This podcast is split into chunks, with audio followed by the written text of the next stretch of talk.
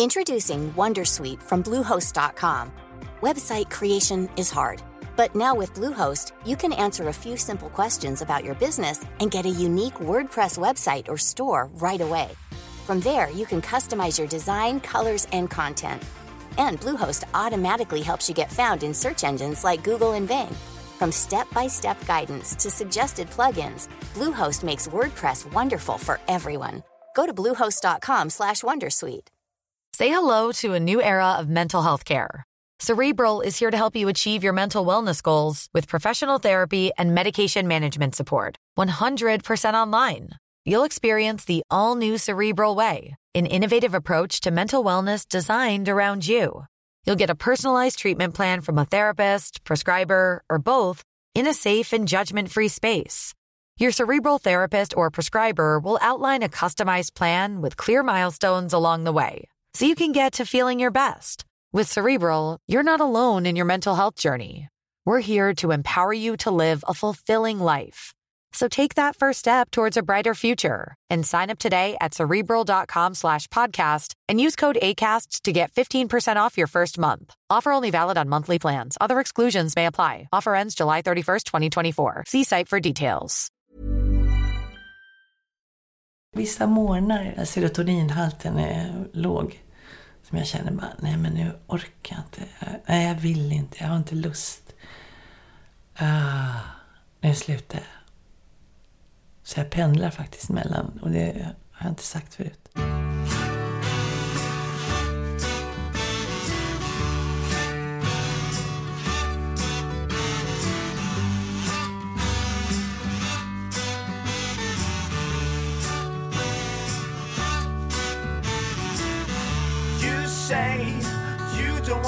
Talk about it. You may rather be choking on it today, whether you like it or not. The words come stumbling out. The next stop's where I get off. Hej och välkomna till det sjuttonde avsnittet av veckans samtal. Idag tillsammans med en av våra absolut mest folkkära artister, nämligen Lill Lindfors. Han ser ut som en kar med en kropp som en kar och han kysser som en kar ska. Han har charm som en kar, han är fräck som en kar, nonchalant som en kar och han rör sig som en kar ska. Lill föddes i Helsingfors i Finland och flyttade sedan till Sverige och Stockholm när hon var åtta år gammal. 1959 debuterade Lill på Hamburger Börs för att tjäna lite extra pengar innan hon skulle fortsätta på universitetet. Men så långt kom hon inte, utan istället blev hon upptäckt av Hagge Geigert. Efter det har hon hunnit med en lång karriär och blivit belönad med otaliga guldskivor och resten är som man brukar säga, historia. Jag tyckte det var fantastiskt trevligt att få träffa Lill och prata lite och jag hoppas att ni kommer tycka det är lika trevligt att lyssna på henne under dryga timmans tid. Så nu rullar vi avsnittet med Lill Lindfors. The next stop's where I get off. När jag pratade med dig i telefon första gången så blev jag slagen av din otroligt härliga röst. Alltså din lugnande röst. Har du alltid haft en sån lugn och harmonisk röst? Det vet inte jag. Jag vet inte eftersom jag inte lyssnar på mig själv så mycket. Du, Det vet jag inte. du känns lugn när du pratar. Ja. Är du en lugn människa? Ja. På vilket sätt då? Jag är en lugn och... Jag är både och. Jag är både, både lugn och eh, energisk. Jag har båda sidor. Jag är en väldigt samlad person. Alltså jag är en bra person när det händer någonting. Som är otäckt eller skrämmande eller mm, plötsligt. Jag är väldigt lite rädd. Jag är inte rädd. Jag har någon inställning att okej, nu, kan, nu ska jag säga att jag inte har råkat ut för någon sån här våldsam krigssituation eller någonting sånt. För det kan man ju tänka, man vet inte själv hur man kommer att reagera. För det kan man inte svara på riktigt. Men i situationer där, jag, där det har varit rörigt eller folk har varit ledsna eller det har hänt eh, smärre saker sådär. Då, eh, nej, då är jag lugn. Då är jag, Jag är väldigt lösningsinriktad. Alltså tänker efter, hur gör vi då? Ska vi göra så här då? Ja, men det gör vi så där då. Okej. Jag har i och för sig läst i någon intervju med dig att du faktiskt har varit med i krigsliknande förhållanden. Ja, men då var jag så liten så då var jag inte utsatt på det sättet. När vi bodde i Helsingfors, eftersom jag är född i Helsingfors, då eh, var, ju, var det ju krig och huset mitt emot, hyreshuset mitt emot där vi bodde var bombat av taket. De hade släppt en bomb. Eh, Men jag kommer inte ihåg det som någon fara egentligen. För jag var... Ja, jag var kriget tog slut när jag var fem år. Så att... Eh, nej, jag minns bara att vi bodde i badrummet. Där vi var tre barn, jag och mina bröder. Och vi bodde i badrummet. För där var det, fanns det inget fönster så där var vi ganska skyddade ifall det skulle bli så att det blev ett tryck som, som eh, trasade sönder, slog sönder fönstren. Har det präglat dig på något sätt tror du? Kanske, säkert någonting har det säkert, det har säkert präglat mig. Men det är mycket som man eh, präglas av omedvetet. Men jag vet att det fanns, vi var ju så- vi var ju rädda om saker och ting. Jag har varit, eh, växt upp eller var liten i en period där man sparade, eller mina föräldrar sparade, min mamma sparade saker och ting för att de kunde användas igen. Och man kunde lappa och laga. Och det fanns det här om att ta vara på saker och ting. För det fanns inte ett överflöd, det kändes så. Och det där sitter i mig också, att man kan man kanske kan göra något annat av någonting. Eller inte slänga för mycket mat, eller inte slänga för mycket. Utan man kan skapa någonting. Det finns ju någon utmaning i det också. Att skapa, att göra någonting av det. Växte du upp i ett medelklass Ja. tycker du? Det kan man säga. Ja. Vad arbetade dina föräldrar med? Min pappa jobbade på Skolman och min mamma var hemmafru. Var utbildad sjuksköterska men hon jobbade inte när hon fick barn. Så hon fanns hemma och så fanns min mormor tillgänglig men hon dog tyvärr. Väldigt ung, eller väldigt ung, hon var 55. Idag väldigt ungt, det var inte lika ungt då. Men jag minns väldigt väl min mormor som en alldeles trygg och bra person som stod och lagade mat. Och så hade hon en cigarett, så hon hade en cigarett i mungipan ibland. Så hon stod och lagade mat. Men hon var väldigt, eh, jag minns henne som en härlig person. Är hela din släkt från Finland? Nej, pappa är från Åland. Åland? Så där har jag också en väldigt fin förebild. Min faster som var småskollärare som det hette på den tiden. Hon var lärarinna, småskollärarinna. Och eh, också en person som introducerade litteratur. Hon hade massor, massor, massor med böcker på vinden. Min farmor och farfar och faster bodde tillsammans i ett hus på Åland. Min farfar hade också varit lärare. Så där, det där var ett hus med, med massor med böcker och döda flugor. Uppe på vinden. Men det här att kunna åh, rota i böcker, tycker jag. Och ligga och läsa. Så fanns det någonting som kallades för skrubben. Som var, du vet, det var ett sluttande tak och så var det ett rum, rum, rums eh, rumsindelat. Det var väldigt smalt. Det var som en garderob egentligen. Som i Harry Potter eller?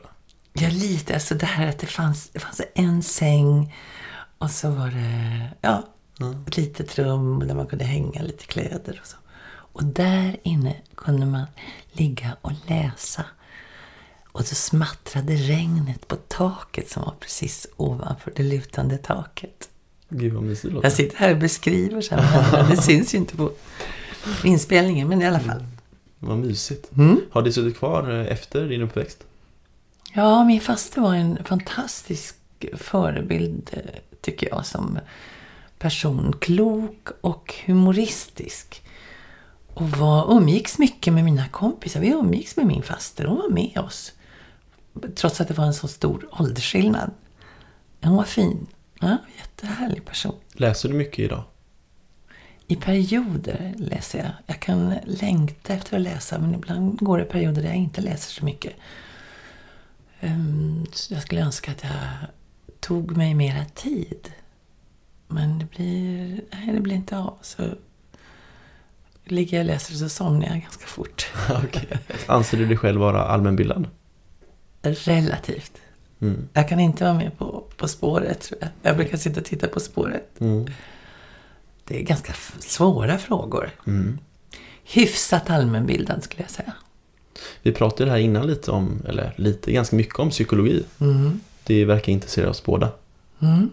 Nej, men jag är intresserad av, av människor. Min mamma var ju sjuksköterska och jag hade väl en sorts dragning till medicin och hade kunnat tänka mig att bli läkare eller att ägna mig åt, åt eh, antingen medicin eller psykologi eller någonstans i kontakten med människor.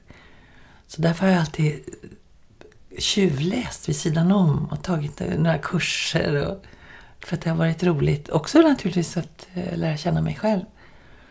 Men jag har alltid, alltid varit intresserad av de där frågorna.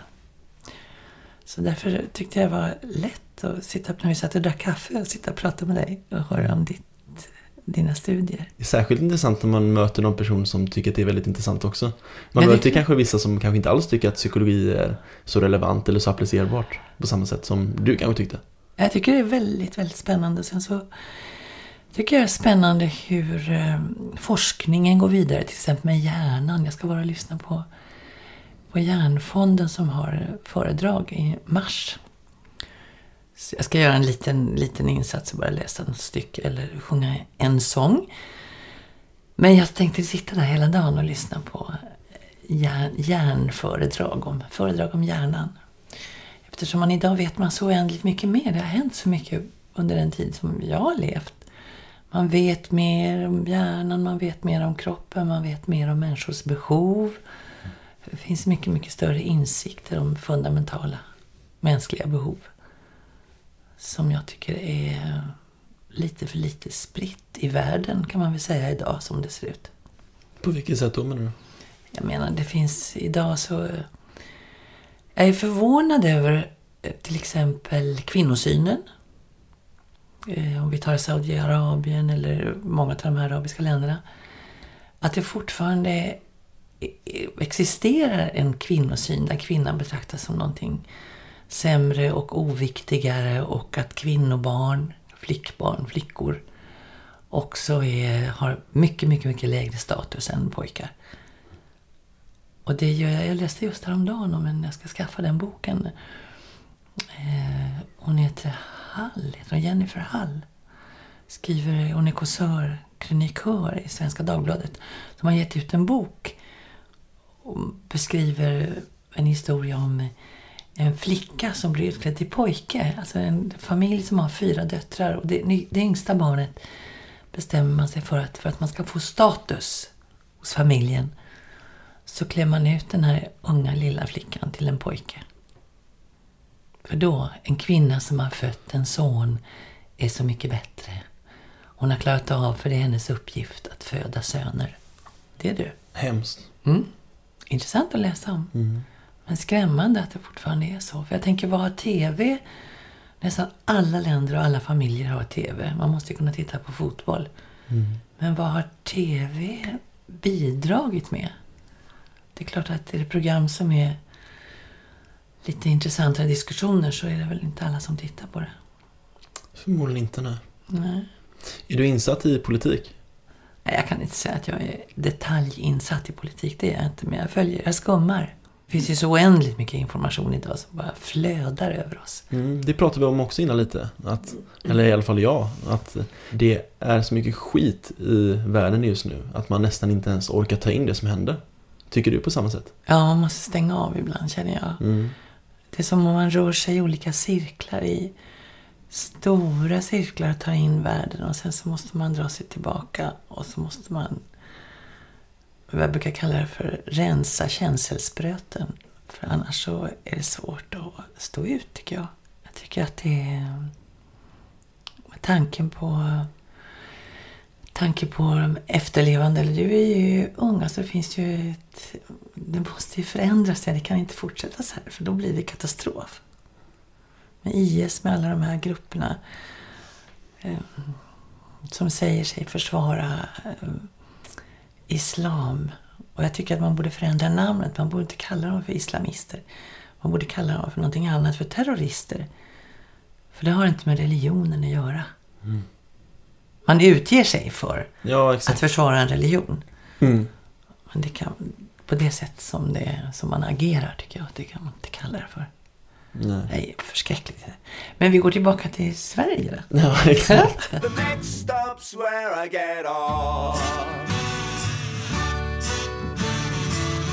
Du Lill, du är ju uppvuxen delvis i Helsingfors och delvis i Stockholm då. Är det korrekt? Mm, det är korrekt. Och nu bor du på Öland. Nu är jag skriven på Öland. Hur kommer detta sig? Det kommer sig av att min make ville flytta till Öland. Det var hans eh, barndoms smultronställe. Och så köpte vi en gård och eftersom jag ville flytta med maken så fick jag flytta till Öland. Mhm. Trivs du bra där? Ja, oh ja det gör jag. Men mitt sommarställe är ju Åland, sommarnäste. Mm. Det är Åland då, som jag är uppvuxen där jag har varit på somrarna och spenderat och har- också ett sommarställe på Åland. Men nu har min dotter tagit över det. Men känner du att Stockholm är ditt hem? Stockholm är så tillvida det är naturligtvis min arbet som arbetsplats. Eh, här ut, jag utgår ifrån Stockholm i hög grad. Ska jag resa till Norge, vilket jag gör ganska ofta, och jobba i Norge så reser jag från Stockholm, flyger jag från Stockholm och ska resa runt. Och man ska ifrån Kalmar, alltså hela ner, vi har ju Kalmar flygplats och tåg. Åker man tåg så måste man byta i Alvesta och med tågförseningar och sånt där har det varit lite bökigt i vinter. Och ska man flyga så eh, måste man flyga över Stockholm. Det går väldigt få flighter. Men det behöver vi inte prata så mycket om, det är så tråkigt. Nej, men allting löser sig. Det är bara att ha, bara, bara ha framförhållning och planera. Och sen bor vi en timme ifrån Kalmar. Oj. Det kan jag ibland känna att det känns långt, men det, det finns en fördel med det också. När du väljer på plats så kan man säga, nej men jag är på Öland just nu, jag kan inte komma. Bor man nära Stockholm så är det lätt att sticka iväg. Men jag lever två liv, ett lantliv och ett stadsliv. Och stadslivet innebär min dotter, mitt barnbarn, gamla vänner, teater, kulturutbud, eh, bekvämlighet, närhet till affärer, eh, urval, eh, kultur, framförallt kultururval. Medan Öland innebär långa promenader, upp till ja, en, två timmar med hunden längs havet. Och eh, mysiga middagar med maken. Är det lite skönt också att på något sätt vara i fred? Ja, det är det också. Det har sina fördelar. Blir du påpassad när du är i Stockholm? Nej, det tycker jag inte. Menar, om du menar påpassad för att jag är känd eller? Mm. Nej, jag, jag blir, nej, alltså jag blir ju igenkänd. Men jag tycker att det har mest, mest fördelar. På vilket sätt kan det vara nackdelar? Det kan vara nackdelar. Ja, det är en bra fråga. Jag tycker inte det är så många nackdelar. Det är klart att om jag går och hämtar posten så tuschar jag fransarna innan jag går ut. Det gör det? Ja, det gör jag. Alltså i... På Öland gör jag inte det. Nej. Men i Stockholm så är jag naturligtvis lite mer medveten om att jag är synlig. Bryr du dig mycket om ditt yttre? Inte jätte- jättemycket, men en del. Jag tycker att jag har... Jag vill gärna som sagt var ha ögontusch, så att jag får ögon. För jag har bleka, bleka ögonfransar. Så om jag får sätta på mig lite tusch så får jag lite konturer omkring ögonen. Ögontusch, är det mascara? Mascara, ja. Ah, Okej. Ja, just det. Det är ett gammalt ord. Ja, jag tror det. Ögontusch. Jag är ju inte jättebevandrad i... Nej, men du har alldeles rätt. Ögontusch. Mascara. Ja. Men det är klart jag bryr mig om. Om jag ser mig själv, om jag piffar till mig lite och ser mig själv i spegeln så tycker jag att det känns roligare än att eh, inte göra någonting åt utseendet. Och så, ja, ja, men det påverkar mig också, humöret. Så jag känner mig piggare när jag ser piggare ut. Så enkelt är det. Tränar du mycket också? I perioder är det samma sak där. Men jag, nu senaste tiden har jag mest gått. Alltså jag går fort. Raska steg. Det är skönt, skönt att röra på sig, det har jag märkt på, på senare dagar säger jag. Men att liksom få upp flås lite, det är väldigt skönt. Jag rensar huvudet också. Ja, det gör det. De där två timmarna vi sticker iväg då. Ofta tar bilen och så åker vi bort till ett ställe man, där man går längs havet. Och nästan inga, men man ser inga människor alls. Och så hör man havets dyningar. Och så går vi. Så tar vi en apelsin med oss. Eller ibland tar vi picknick. Det låter så långt ifrån Stockholm på något sätt. Och det är ju, ja, långt är det inte men det känns så långt ifrån där vi är just nu. Och det är en väldigt, väldigt skillnad. Miljön skiljer sig ju väldigt markant från Stockholmsmiljön. The next stop's where I get off. Hur började allting för dig med musiken och, och allt? Musiken har funnits i min värld sedan jag var liten, alltid. För att min pappa spelade luta och sjöng. Och sjöng ofta humoristiska visor. Eh, min pappa hade mycket humor och älskade musik och var en väldigt eh, kan säga, jovial, socialt eh, härlig person. Men under krigstiden när vi var små, då levde vi under en lång period med, med, bara med mamma. För pappa var inkallad, han låg inte vid fronten. Så oron för att han skulle bli skjuten eller någonting sånt, det, det fanns inte. Inte vad jag kan minnas i alla fall. För att han kom ju från Åland och Åland har ingen militärtjänst. Så han fick vara på kontoret, alltså militärt. Och sköta någon form av administration. Men så skrev han långa brev och så tecknade han. Han, är- han var lång min pappa, han var 1,94. Så ritade han i sina brev så här teckningar så att vi barn skulle se hur han låg i en säng till exempel och fötterna var utanför sängen. för Han var så lång. Så hela, hela min barndom tycker jag var en väldigt trygg period i mitt liv. Men för att återknyta till musiken så spelade min pappa luta och min mamma spelade piano och spelade klassisk musik. Så det är jag uppvuxen med. Så det fanns, det har alltid funnits musik i, i mitt hem. Sjöng ni och sånt hemma också? Alltså, tillsammans? Ja, min pappa sjöng ju, när vi hade gäster så var det jätteroligt. Då sjöng ju min pappa för gästerna och han tog fram lutan och alla sjöng och det var väldigt så, härliga stämningar. Och det kan jag sakna ibland, det här umgänget med. Jag har ju även i vuxen ålder varit eh, mina äldsta vänner, Anders Linder. Där har vi alltid varit hemma hos och Hasse von Schönberg, Jumping Jacks och det här gänget. Har vi alltid sjungit. Sjungit vid måltiderna och sjungit stämsång och haft kör. Haft väldigt musikaliskt väldigt, väldigt roligt. Alltså även privat, inte på scenen. Utan, utan när vi har haft, det har alltid blivit sång och musik. Hur tror du att det, just din uppväxt med musiken, har påverkat dig i ditt, din senare karriär? Men musiken var ju någonting som var självklart eh, för mig. Det fanns ju där. Det fanns omkring mig. Det fanns i huden. Det fanns liksom i hela mig.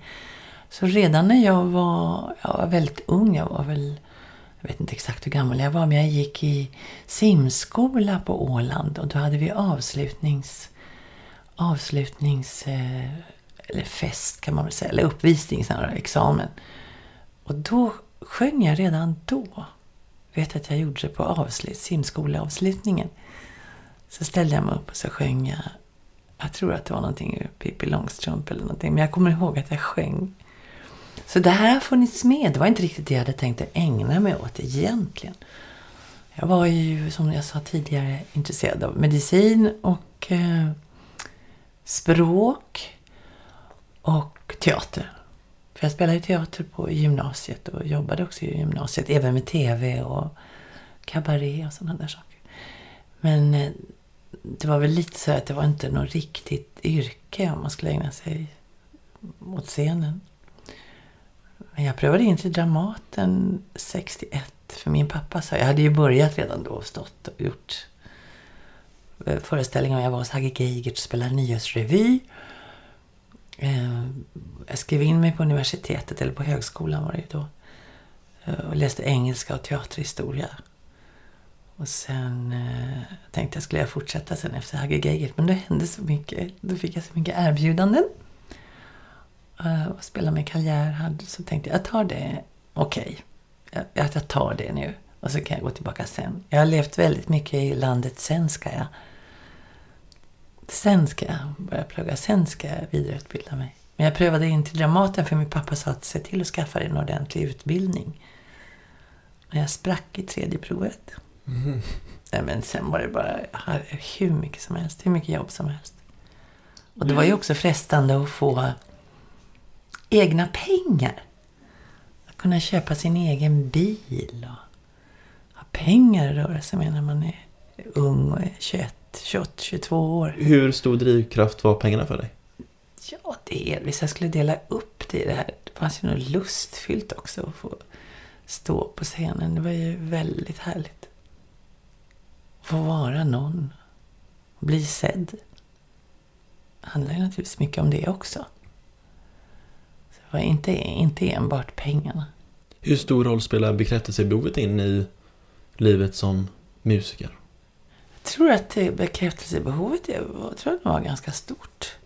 Jag hade ju varit väldigt lång. Och när jag säger hade varit så tänker jag under tonårsperioden. Så var det- det var en tuff period tyckte jag. För mig därför att jag var... Jag var... Jag är alltså... Var jag 1,78? Nu är jag lite kortare. Men jag var, har varit 1,78. Och det var på, på min tid så var det långt. Jag var längst i klassen. Och jag var ju i tonårsperioden när jag precis hade liksom 13-14 år. Då var jag ju jätte, jättelång, tyckte jag. Jättelång och klumpig kände jag mig. Eh, väninnorna var kortare och mm, man umgås ju med, umgicks med killar som man bråkade och liksom, alltså lekte. Och jag tänkte att om de lyfter mig, då dör de. För jag kände mig, jag tog, liksom, jag tog aldrig slut. Och det här var det tog några år innan det släppte helt. Jag kunde liksom återgå till och kuta med axlarna. Men när kände du att, att du kunde liksom leva på musiken? Men det kom, det kom ju ganska tidigt. Det kom ju redan... Alltså, min karriär tog väldigt, väldigt fart. På många sätt. Jag spelade pyjamaslek, jag spelade revy. Sen spelade jag, var jag kvar hos Knäpp upp och spelade pyjamasleken, en musikal. Och så gjorde jag också Emil Nordlander på Ideon. Så sen fick jag göra skivor för att jag började bli känd. Men jag hade ju innan dess, eh, innan dess eh, hade jag hade jag ju spelat, varit på sommarlovet var jag till och med på Hamburger Börs. Som nu kallas bara för Börsen. Jag och Margareta Hallgren, eller Maggan, Maggan, Maggan Persson som hon hette på den tiden. Vi var ju på som, två sommarlov var vi ju och jobbade på Hammarby Börs. Hade 40 kronor per kväll. Vi jobbade bland annat med Olle eh, Adolfsson. Beppe Wolger skrev texter till oss. Um, så det var ju... Men det var ju inte tanken då att vi skulle jobba... Att vi skulle fortsätta karriären inom konstnärsyrket. Utan, eller som artister. Utan det här var sommarlov, det var jätteroligt. Vi gjorde tv, jag gjorde tv med också. Vi unga och sådana där eh, program. Men sen så skulle vi återgå till något mer seriöst. Och vad innebar något seriöst då? Ja, ett riktigt, riktigt yrke. Inte hålla på och fladdra på scenen sådär. Hålla på och klä ut sig. Utan man skulle ha ett riktigt yrke. Kunde man bli ja, läkare eller lärare eller... Vad tror du att du skulle vara om du inte skulle ha valt eller fått möjligheten att hålla på med musik? Nej, men jag tror att jag hade ägnat mig åt eh, någon form av medicin. Jag är intresserad av medicin, av psykologi. Eh, är jag ju fortfarande. Mm. Jag tror att jag hade lutat åt det hållet, tror jag. Hamburger Börs där, det känns som att Hamburger Börs var eller är väldigt mytomspunnet. Ja, var för att det, var, det samlade många artister. De hade, bör, de hade en eh, artistmeny. Så att de som jobbade på teatern, jag jobbade ju då på Ideonteatern och det var inte så långt ifrån uppe vid Brunkebergstorg. Den finns inte kvar den teatern. Så det var, då slank man ner på Hamburger Börs och så kunde man, eh, kunde man få äta på en, ett, ett mål för billigare penning. Så de värnade om, värnade om artister. Och det, det blev naturligtvis grupper av artister som möttes och eh, även intellektuella och författare. Och Hamburger Börs blev en samlingspunkt. Som var roligt, stimulerande att sitta där och bubbla på natten. De hade ju öppet sent. De hade ju öppet då till ett. Alltså. Inte, så, inte till tre, men till klockan ett. Man, och det var roligt, det skapade möten. Och det var ju Ragnar von Arnold som såg till att, det, att artister skulle få lite lägre priser. Hur såg musikbranschen ut på... Detta var 60-tal då? Mm. Hur såg musikbranschen ut då?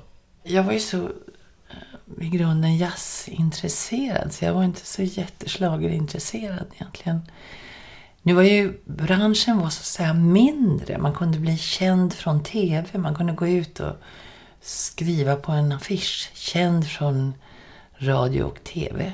Idag är utbudet eh, oändligt mycket större och sålunda konkurrensen också.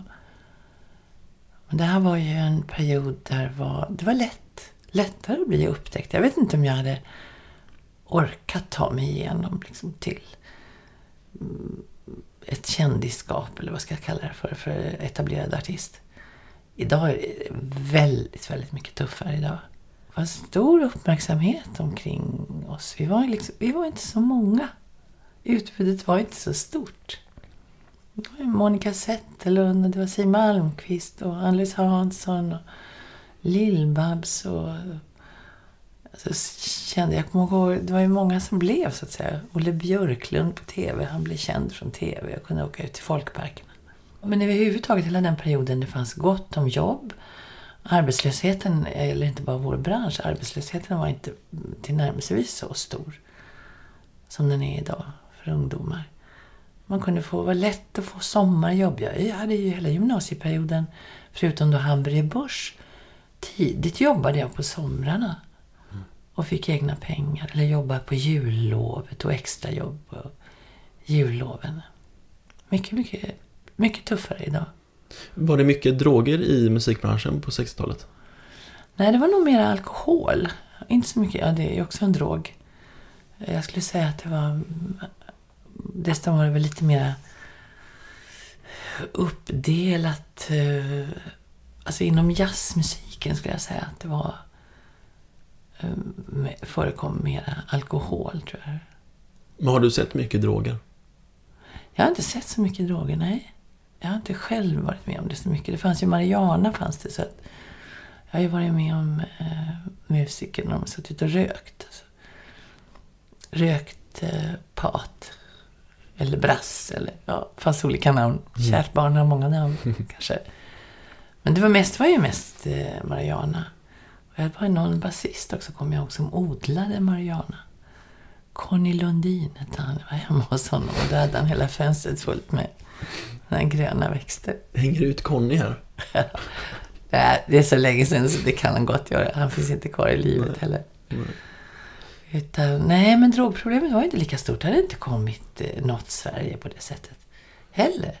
Jag vågar inte säga det. Det är inom olika genrer. Inom rocken har det varit tidigare. Det varit um, rockmusiker tände på mera. Och, men det kom, skulle jag säga, när man tänker efter, så kom det väl på, ja, någonstans på 60-talet. Jag kommer ihåg, eh, fanns en romantik omkring drogerna.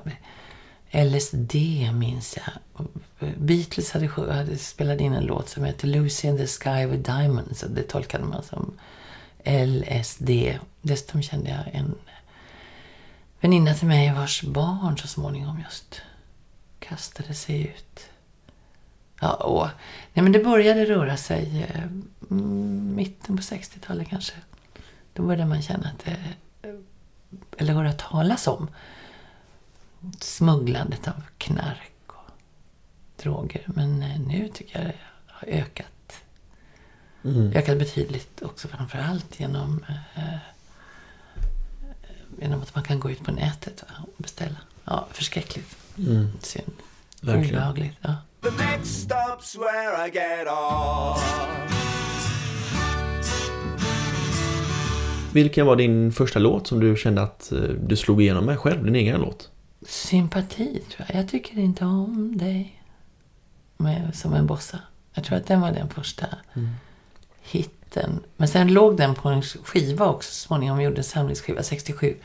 Du är den enda som kom ut. Där låg det flera låtar. En som kar och eh, den som har kommit igen är En som kar med Agnes.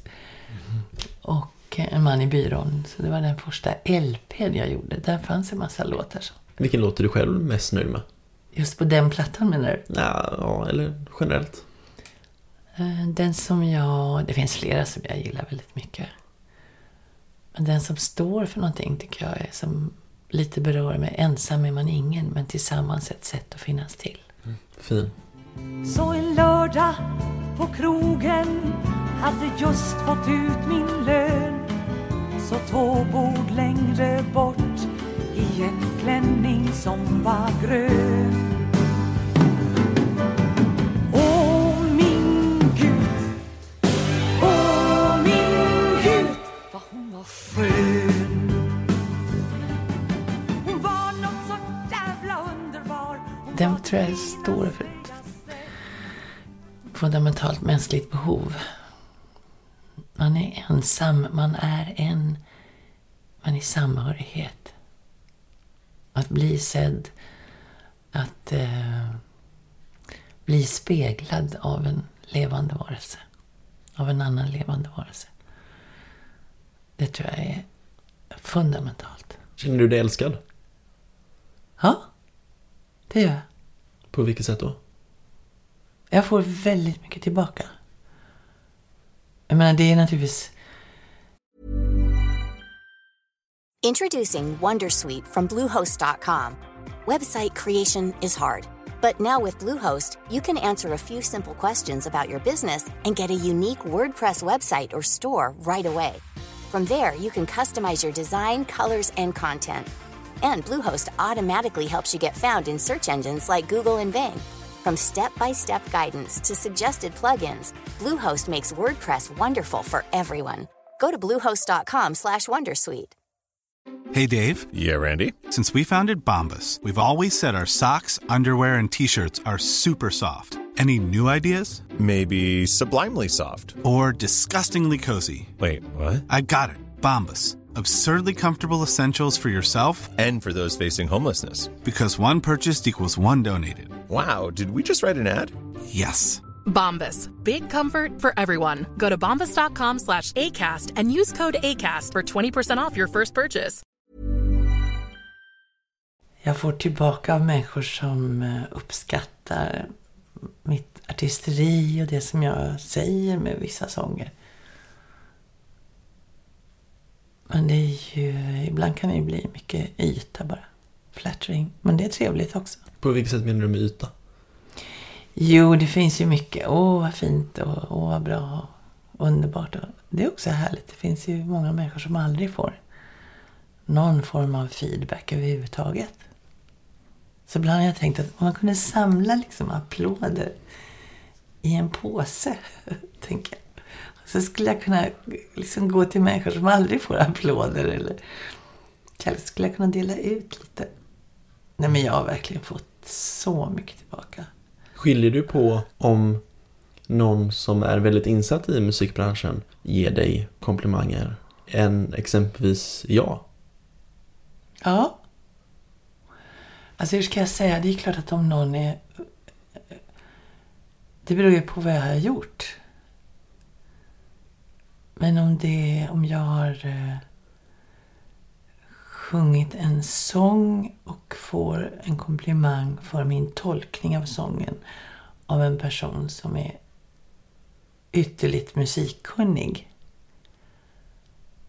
så är det klart att det är, känns ja, väldigt roligt. Jag värderar inte på det sättet, men jag, det känns ju... Jo, det känns roligare. Jag menar, det är klart det är som du som håller på att skriva en uppsats. Om du får... Eh, för det får du ju en bedömning. Och någon kommer till dig som är eh, professor och har doktorerat och och säger att den här uppsatsen är väldigt, dina synpunkter, din analys, din, eh, din, ditt sätt att gå in, in i detaljer och titta på erfarenhet från olika håll är väldigt, väldigt skickligt och värdefullt och genomtänkt så har det ju, är det ju starkare än om någon säger vilken bra uppsats. Jag kommer att läsa din uppsats och så kommer jag tycka att det är väldigt intressant men jag kan inte bedöma den eftersom jag inte har de kunskaperna på samma sätt. Tycker du att det krävs mer och mer för att tillfredsställa bekräftelsebehovet eller liksom till en början kanske det krävdes tio personer som... Nej, jag tror att jag... Nej, jag tycker att det var viktigare i början som väldigt ung tyckte jag. Ehm, idag så känner jag mig... Eh, tycker jag tryggare i mig själv. Även om jag sen också naturligtvis delvis eh, slåss med en viss fåfänga. Jag tror att jag är, känner mig stabilare idag. Tryggare och... Eh, just, jag tänker så här, försöker känna efter. Nej, jag hoppas ju jag hoppas verkligen att jag utvecklats som människa. Det är det det går ut på. The next stop's where I get off. Vill du försöka beskriva för mig hur det känns och ha haft en sån otrolig karriär som du har haft? 99% av alla i Sverige känns som vet vem Lill Lindfors är. Mm. Men jag tror att det är väldigt få av dem som förstår hur det känns för dig. Det är väl kanske bara du som vet det eller någon som står dig Ja, väldigt men det nära. kan ju bara, hur det känns kan ju bara jag veta. Det kan ingen Mm. annan veta. Men kan du försöka beskriva det för mig? Jag kan föreställa Det är inte så lätt att beskriva det. Jag lever ju så mycket framåt. Så jag tänker ju väldigt sällan. Det är klart, nu börjar jag ju tänka tillbaka. Och tänka att jag skulle vilja gå tillbaka mest och titta igenom titta igenom mitt liv. Men Det är så lätt också att det försvinner i någon sorts lådor och bara där ligger det och så finns det bilder och så är jag bara... Jag är väldigt mycket i det som jag är nu. Va? Just nu sitter jag ju bara med upplevelsen från igår. Eh, där jag var på Nisse Landgrens hörna på Kulturhuset. Så den upplevelsen finns kvar. För det var en så rolig kväll. Det var så roligt att jobba med Nisse. Som jag har jobbat med tidigare. Han är så varm och underbar person. Och så skicklig. Han är verkligen skicklig musiker också. Så, och så tänker jag på när jag, jag går. Jag har väldigt mycket tankar kring vad jag ska göra. Så därför tänker jag inte i termer av eh, Åh, vilken lång karriär. Ja, men jag kan säga ja, lång, ja, oj vad jag är långt och hjälp. Är det 50 år eller 60 år eller hur långt är det? Men det är, det kan jag bara liksom... Ah. Det, det känns ju osannolikt ibland. Men jag tänker inte så mycket på det. Jag tror andra tänker mer på det än vad jag gör. Jag har ju framför mig bara det som jag ska göra och tänker vad ska jag göra där och hur ska jag lägga upp det och jag jobbar liksom med, i framåtprocesser. Hur ser bokningen ut? Vad ska jag sjunga där? Vad ska jag... Jag åker i mars, 11 mars ska jag till Oslo. Sjunga på universitetet i Oslo. Ja, vad ska jag göra där? Så att jag ligger i olika eh, kommande projekt hela tiden. Kan du sakna lite att du inte stannar upp och kollar tillbaka? Jag kan sakna lite, och det var det tankegångar som jag rör mig med. Ska jag lägga av nu? Det här ska jag pensionera mig på riktigt? Ska jag ta vara på vänner, ta vara på annat? Eftersom det är många som är i min ålder och som kan, det finns ju flera som inte mår så bra heller. Att ta vara på människor, passa på att träffa folk och eh, ja, ta vara på gamla vänner. Umgås mera med vänner och eh, hälsa på vänner. Jag har ju vänner ute i världen också. Alltså den sidan kan jag känna att det är verkligen hög grad tid att ta vara på. Också tala om vad människor har betytt för mig. Människor som jag tycker om. Att berätta det innan de försvinner härifrån. Eller innan jag försvinner. Så det, tankegångarna rör sig mycket kring det. Ska jag bara plötsligt hugga av och säga nej, jag har slutat. Men samtidigt så vet jag ju att så länge jag mår så här bra och tycker att det är roligt så vill jag inte släppa helt egentligen. För det finns en sån vitalitet. Och just nu, som jag sa tidigare, så lever jag i det här gårdagen. Som var så vanvettigt rolig. Jag gick tillbaka. Då gick jag, igår gick jag tillbaka i material. Bland annat Björn Barlack. Som har skrivit väldigt mycket material till mig. Som har varit i hög grad anledningen till mina framgångar. Så igår dök det upp ett nytt projekt. Kanske ska jag göra någonting bara med Björn Barlack-material. Det finns väldigt mycket roligt. eh, Det är han som har skrivit texten till Musik ska byggas. Och han har skrivit texten till Tillsammans ett sätt att finnas till. Men han har också skrivit eh, en väldig massa mm, roliga verser och monologer och sånger och kortisar och otroligt begåvad. Och jag framförde några av de här igår, inte tillsammans, men musik gjorde vi. Men jag gjorde andra gamla grejer, som biologilektionen och ägget och... Alltså det är... Tänk, så nu är jag redan på ett nytt projekt. Tänker det kanske jag ska göra. Men jag våndas vissa, vissa morgnar serotoninhalten är låg. Som jag känner bara, nej men nu orkar jag inte. Nej, jag vill inte. Jag har inte lust. Ah, nu slutar jag. Så jag pendlar faktiskt mellan, och det har jag inte sagt förut. Jag pendlar faktiskt mellan de här känslorna. Åh, vad kul det är. Nej, usch, jag orkar inte. Tror jag, nu lägger jag av. Klä upp mig och sminka mig. Och eh, gå ut på scenen. Och riska att inte komma ihåg någon rad. För det tycker jag är skillnad nu med texter. Det är svårare att lära sig nya texter. Det tar längre tid att jobba på det än vad det gjorde tidigare. Så det, har, det är en förändring. Men det gäller att hålla igång hjärnan. Är du rädd för att lägga av?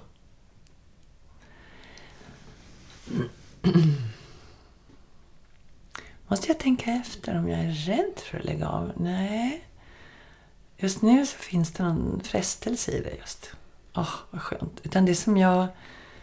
Det som jag är rädd för är ju... um, Alltså, vad, lite, vad händer med mig om jag lägger av? Att jag blir segare i hjärnan? Eller, alltså det här... Det här jobbet tvingar mig ändå liksom att hålla mig i trim. Att hålla hjärnan igång, jobba med texter, röra sig på scenen. Um, musikaliskt, alltså också vara igång med idéer och kreativ. Det är det som jag kan vara orolig mig för, att jag segar, jag blir något segt. Jag går omkring och är lite trött. Och... Så jag tänker inte sätta mig och mata duvor i parken och så. Som man brukar skoja med ett uttryck, jag vet inte om du har hört det förut. Gör Ja. Eh, nej, för den stimulansen som finns. Inte det här att behöva, jag behöver inte stå på scenen och få applåder. Utan att... Eh, men det kanske jag kan ordna ändå. och Bara få sitta ner och repetera. Och sitta med musiker. Musiker är ett fantastiskt släkte att jobba med. De är tålmodiga och det är... Alltså den här känslan att vara inne i en kreativ process tillsammans med musiker. Helt fantastiskt är det. Så det skulle jag sakna. Men att stå på scenen är inte riktigt nödvändigt. För där kan jag känna lite scenskräck ibland. Så här, ska jag åka ut och gå ut och visa mig igen? Men ofta när jag sen väl är på plan så då brukar det funka. Men innan jag har kommit över den tröskeln kan jag ibland känna nej usch, jag vill inte gå in. Jag vill inte gå in och... och Kunde du känna så förr i tiden också? Ja, ibland kunde jag det, men inte så mycket. Jag kände mer en utmaning, det som du och jag pratade om tidigare. Att visualisera, nu ska jag gå in och ska jag bara ta dem och ska jag bara åh. Och det, det använder jag mig av, det för det är ju en metod. Det är ju en, eh, ett sätt att mentalt förbereda sig, att visualisera, positivisera det man ska göra. Brinner du till 100% för det du gör? Ja, det gör jag nog. Nog, sa jag. Ehm, Ja, men just nu så är jag ju inne i så att säga, den här vackelperioden. Jag vacklar. Så imorgon bitti när du ringer mig. Just nu känner jag att åh, jag vill jobba, jag ska fortsätta. Åh, kul det är. Men imorgon kanske jag tycker att nej, nu lägger jag av. Nu slutar slutar med det här. Men det finns ju andra saker man kan ägna sig åt också. Jobba mera, kanske inte jobba så tydligt på scenen utan jobba mera i bakgrunden. Och jobba med organisationer. Och jobba med eh, barn skulle jag gärna jobba med. Mm, I någon form. Så det finns ju mycket att göra så det är inte det tror jag. Men det finns en lockelse i den här utmaningen. Att göra en föreställning och sli, finslipa en föreställning. Ja, du hör, jag, ka- jag kantar från ena hållet till andra. Men hur, hur stor del av tankeverksamheten lägger du ner på att tänka huruvida du ska sluta då eller? Väldigt mycket för närvarande. Det finns med mig hela tiden. Ah, Ska jag verkligen? Ska jag verkligen? Och det finns ju ja, gamla goda vänner till mig. Det är det som också föder tanken att, att sluta pensionera, att sluta jobba. Och se till att eh, värna och vårda vänskapen med olika vänner. För det här året som gått, eller förra året egentligen, var det väldigt många när, mig närstående personer som gick bort. Um, Så det har naturligtvis också lett till att, att se till att ja, besöka, ses och prata och tala om vad människor har betytt för en. Ja, du vet, Brasse gick ju bort förra året och det kom fullständigt chockartat också. Så det ledde ju också till tankar på, på andra närstående vänner. Och jag har min, en av mina äldsta väninnor som jag har känt sedan jag var tio. Hon försvann också från jordelivet. Sen kanske de finns med i någon annan form, det vet jag inte. Men det blev ett väldigt, ett väldigt tungt år.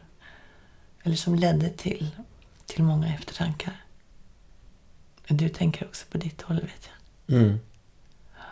Ja, det är ju förgängligt, livet. Ja, det är svårt att acceptera. Det är svårt att, svårt att tänka andra som döda och en själv som död. Men även om man rent intellektuellt vet om det så är ju kraften, att, önskan att leva är ju så oändligt stark och det tror jag den kommer att vara in i det sista. Själva döden, när man försvinner, den är ju inte så smärtsam i sig. Men vägen dit kan bli väldigt smärtsam och ångestladdad. Är du själv rädd för döden? Den varierar också, tycker jag. Tycker ibland kan jag tänka att, att somna in, men när jag tänker på allvar så tänker jag, nej men det vill jag inte. Och jag skulle vilja leva så länge så att jag fick se mitt barnbarn växa upp. Så att åtminstone, åtminstone han, ja, han blir 20-årsåldern och det är när hon är 10 nu. Så 10 år till tycker jag nog gärna att jag vill vara med. Värdesätter du eh, olika saker nu gentemot 20, 30, 40 år sedan? Ja, det tror jag att jag gör. För jag, jag nu redan känner att jag värdesätter olika saker nu gentemot när jag flyttade upp till Stockholm exempelvis. Och då tänker jag att man måste nog ändra ännu mer sett till liksom att man får livserfarenhet och man är med om saker och som du har just berättat om dina tidigare år nu då. Mm. Hur har den förändringen sett ut för dig? Men alltså förändringen pågår ju. Det är som en process, pågående process. Så jag tycker att det är svårt att säga precis exakt där. Det finns ju moment i mitt liv där när jag, ja, vi kan ta som exempel när jag födde min dotter. Eller när, jag, när min dotter kom till världen. Och jag fick ansvar för ett barn. Det minns jag som en väldigt viktig punkt i mitt liv. För då är jag tvungen att titta på vad har jag för värderingar. Vad vill jag vidare vad vill jag ge vidare till min dotter? Så det var en väldigt eh, viktig, viktig händelse och ledde till en bra process, tycker jag. Och att göra sig av med liksom gamla gamla fördomar. Men det, det, jag tycker också det här att titta, titta på sig själv och försöka se. Att försöka se sig själv eller ta sig stunder. Jag har ju gjort eh, lite olika delar. Kanske jag sa tidigare, kommer jag inte ihåg. Jo, jag gjorde när det var när du och jag pratade. Med olika kurser med Essentials in eh, Psychosynthesis. Alltså psykosynteskurs. Eh, och... Eh, ja, men där är mitt intresse för psykologi och läst en massa böcker och, och tagit mig vidare och mött mig själv. Jag har ju tagit eh, inte bara kurser utan jag fick ju gå igenom när vi gjorde Essentials in psykosyntesen, begynnelsekursen. Då fick vi ju också gå igenom alla de olika meditationerna och möta oss själva. Det var intressant för jag mötte min eh, min gamla tonåring, hon som var, kände sig lång och klumpig. Och det var ganska smärtsamt, men det var fint att möta henne. Också för jag kunde jag frågade om, frågan om att bearbeta den delen. Och där att möta den sorgen, för det fanns, dyker ju upp när man tar sig inåt. Så dyker det ju också upp eh, överraskande moment när man plötsligt förstår att oj vad det här har suttit långt inne. Och hur sårad jag har varit och hur eh, eh ledsen jag har varit. Så jag skulle rekommendera egentligen alla och se om man kan gå lite olika kurser eller gå i terapi som vi pratade om. Jag tror att det skulle, alla människor skulle ha glädje av det. Förutsatt att det är en bra terapeut naturligtvis, eller psykolog och psykiater. Vi skulle behöva möta oss själva mer. Och våra egna värderingar. Tycker du att det är svårt att veta vad dina egna värderingar är? Eftersom att andra folk har värderat dig eller att de har tittat på dig och liksom tyckt till så mycket genom åren? Ja men så mycket vet jag ju. Det, jag finns ju ute i media. Och där utifrån detta, beroende på vad folk ser, så skaffar man sig en uppfattning. Och det här är ju, handlar ju om en överlevnadsfråga för människor. Det är snabbt. Vi ska, ska skaffa oss en uppfattning väldigt snabbt. Men det finns ju massor av människor som har uppfattningar om mig, men de känner mig inte. Men kan du ta åt dig av dem ändå, även fall de inte stämmer överens? Alltså kan du själv känna att, liksom applicera dem på dig? Att Ja, men jag kanske känner så här som de säger. Ja, men de pratar inte så mycket om vad jag känner egentligen. Men mer eller vem du attityd, är då? eller vem jag är. Så tror jag att jag... Eh, I och för sig så kan du ju alltid ta till dig andra människors reflektioner.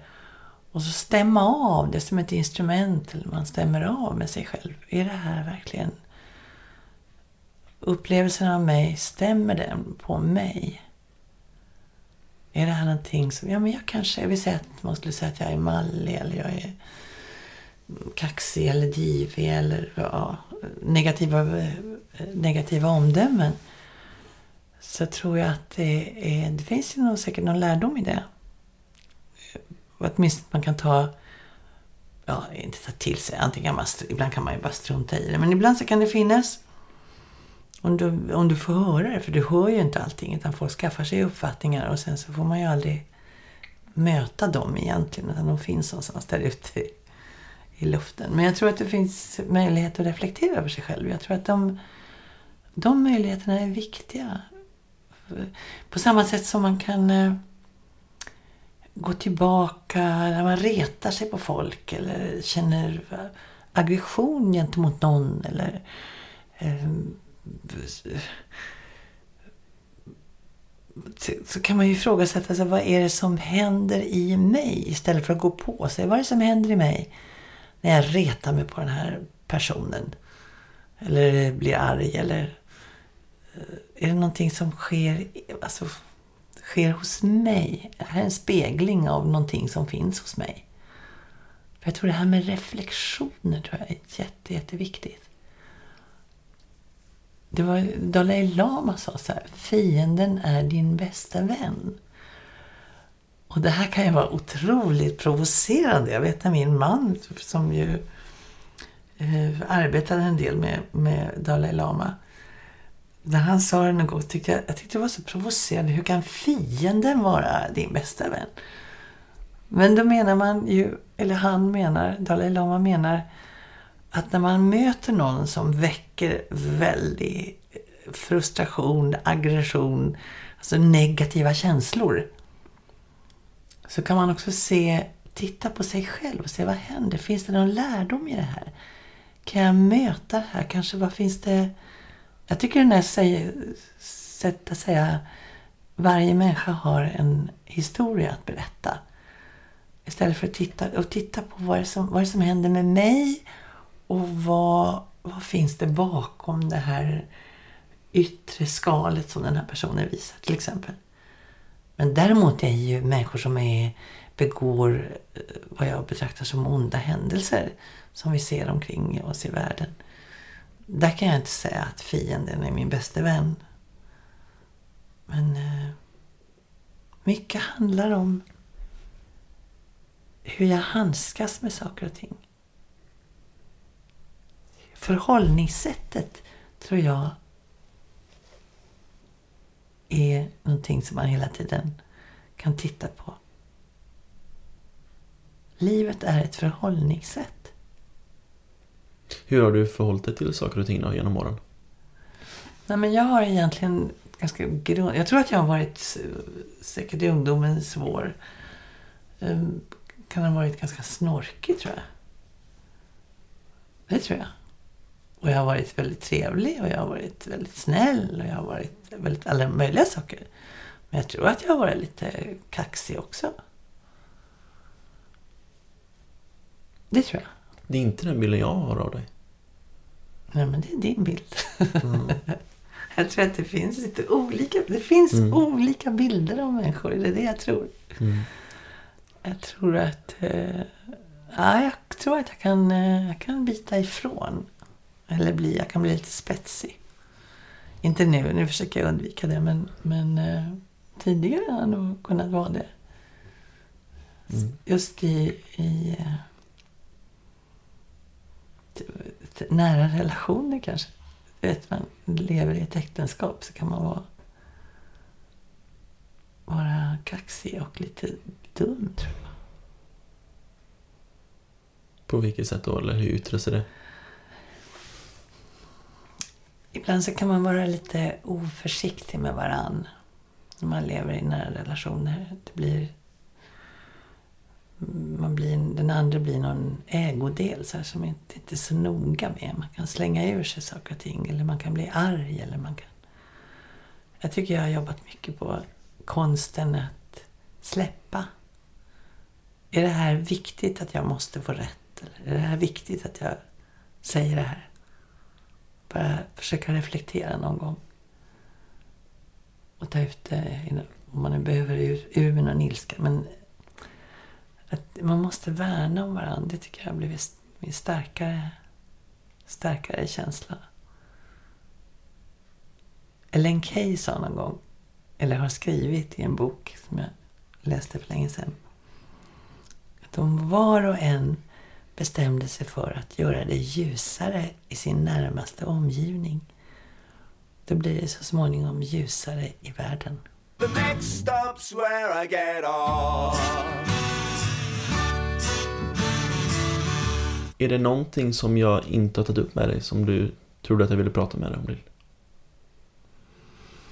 Jag kan tänka mig, utan att du svarar, att många pratar om den tappade kjolen i Melodifestivalen 85. Ja, men det orkar jag inte prata om. Nej, exakt. jag tänkte nästan det. Men är det någonting som jag missat? Jag tänkte... Jag tänkte... Ehm, nej, du har inte missat någonting. Det, det drar ju åt det håll det drar på något sätt. Just nu är jag väldigt upptagen av, eller det har jag varit i alla år, av barn och barns situation. Och eh, jag menar, nu är det så aktuellt också med ensamkommande flyktingar eh, överhuvudtaget så tänker jag barn som ju inte har bett att få bli födda. Barn som eh, är ju i stort sett väldigt maktlösa, som är helt beroende av vuxna personer. Och det finns lite, lite för mycket okunskap, skulle jag säga, om barns grundläggande behov. Fundamentala behov. Jag tycker det är synd att eh, klasserna är väldigt, väldigt stora. Vi missar mycket. På det sättet missar många barn som skulle behöva extra hjälp. Eh, barn... Eh, många, det finns självmords... Antalet har ökat. Tonåringar. Jo, vet du vad jag skulle vilja säga? Det finns två saker. Mm. Det ena är att man ska fortsätta att ha barnvagnen när barn är små vänd mot den vuxne. Eftersom barn de första åren är ju helt måste läsa av den vuxna för att kunna eh, känna om det är farligt, om det är oro. Och det där tycker jag vi missar på. Mycket med telefoner. Prata inte telefon, stäng inte av där. Jag tycker det är, jag ser förskräckliga exempel på det. Och det här har man ju forskat på i England bland annat. Att barn som är frånvända blir eh, oroliga. Kan inte, barn kan inte relatera till vad som kommer. Och vinden och, vinden och vädret och mitt i. Det är håll fram till tre års äldre ålder tills jag-begreppet finns. Så kan man ha barnen vända mot sig. De behöver inte vara underhållna som man säger. Men ja, men de tycker att det är tråkigt att ligga i vagnen och inte se någonting. Fel. Det är min uppfattning. Jag är helt klar över. Och det där gäller ju, det är ju naturligtvis barnvagnstillverkarna som ser till att det blir inne med att ha de här frånvända vagnarna. Och så har jag um, en tanke. Jag tycker att det vore fint om vi eller hade möjlighet att, vi pratar så mycket om man ska ta föräldraledighet och man ska ha anknytning. Visst, absolut. Det tycker jag också, an, anknytning till små barn, eh, jobba på det. Men jag tycker det vore underbart om under den här svåra tonårsperioden som barn kommer in i, ungdomar kommer in i, att det fanns en vuxen, att det fanns någon vuxen hemma. Att man tog pappaledighet eller mammaledighet att man fanns tillgänglig i mycket, mycket högre grad när barn kommer in i den här puberteten. När identiteten är osäker, identitetssökandet är intensivt och eh, osäkerheten och det händer så mycket, det händer så mycket med kroppen och det händer så mycket omkring. Och man har svårt att ta ställning och så är man hänvisad till sina kompisar och till omgivningen där det inte finns så många vuxna. Det tycker jag man skulle införa. Se till att det finns en eller en mentor eller någon som är någon som man kan vända sig till, som man kan sitta och ha samtal med. Och då vill jag passa på också att prata om eh, drömmen om det goda. Att försöka hitta en metod i skolan som gör att man eh, får ägna sig åt stillhet. Bland annat. Men att man blir medveten om ett inre liv, att det finns med i skolan. Mm. Så man kan gå in på nätet och titta på drömmen om det goda och vad det innebär. Tycker du att vi är för ytliga i dagens samhälle? Mm. Det tycker jag. Kanske att den här sociala mediekulturen har medfört det också? På något ja, sätt? visst. Man sitter ju... Eh, Alltså jag tror, delvis så tror jag att det finns någonting, i, i och för sig så umgås man ju mera med barnen idag. Man är ute vuxna umgås mera med barn idag än vad, vad man gjorde tidigare. Andra generationer, för då var det större skillnad mellan vuxna och barn.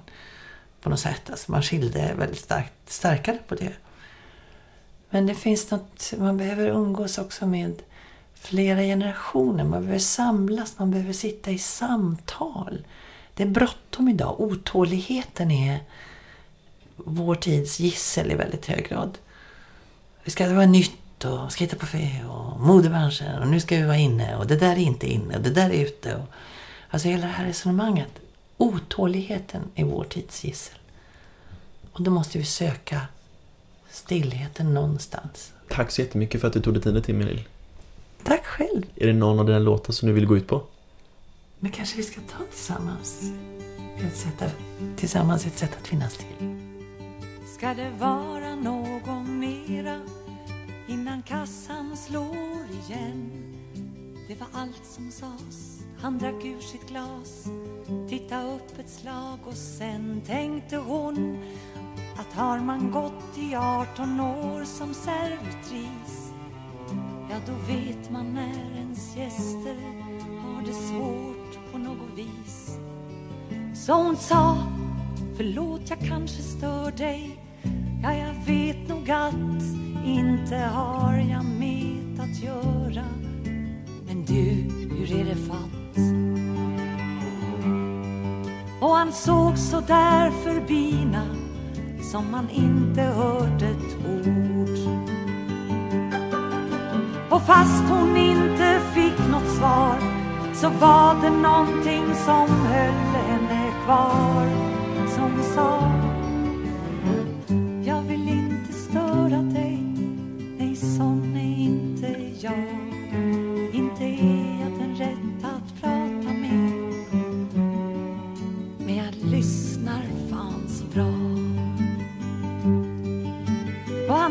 sitt glas. Och hon flytta' en vas. Några smulor borsta' hon ner. Man kan inte göra något mer än att gå. Och då sa han Jo, fröken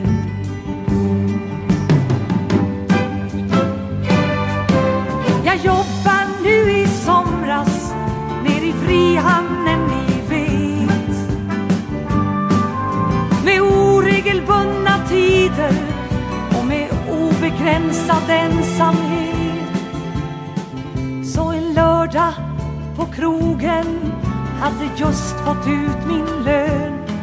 Så två bord längre bort i en klänning som var grön.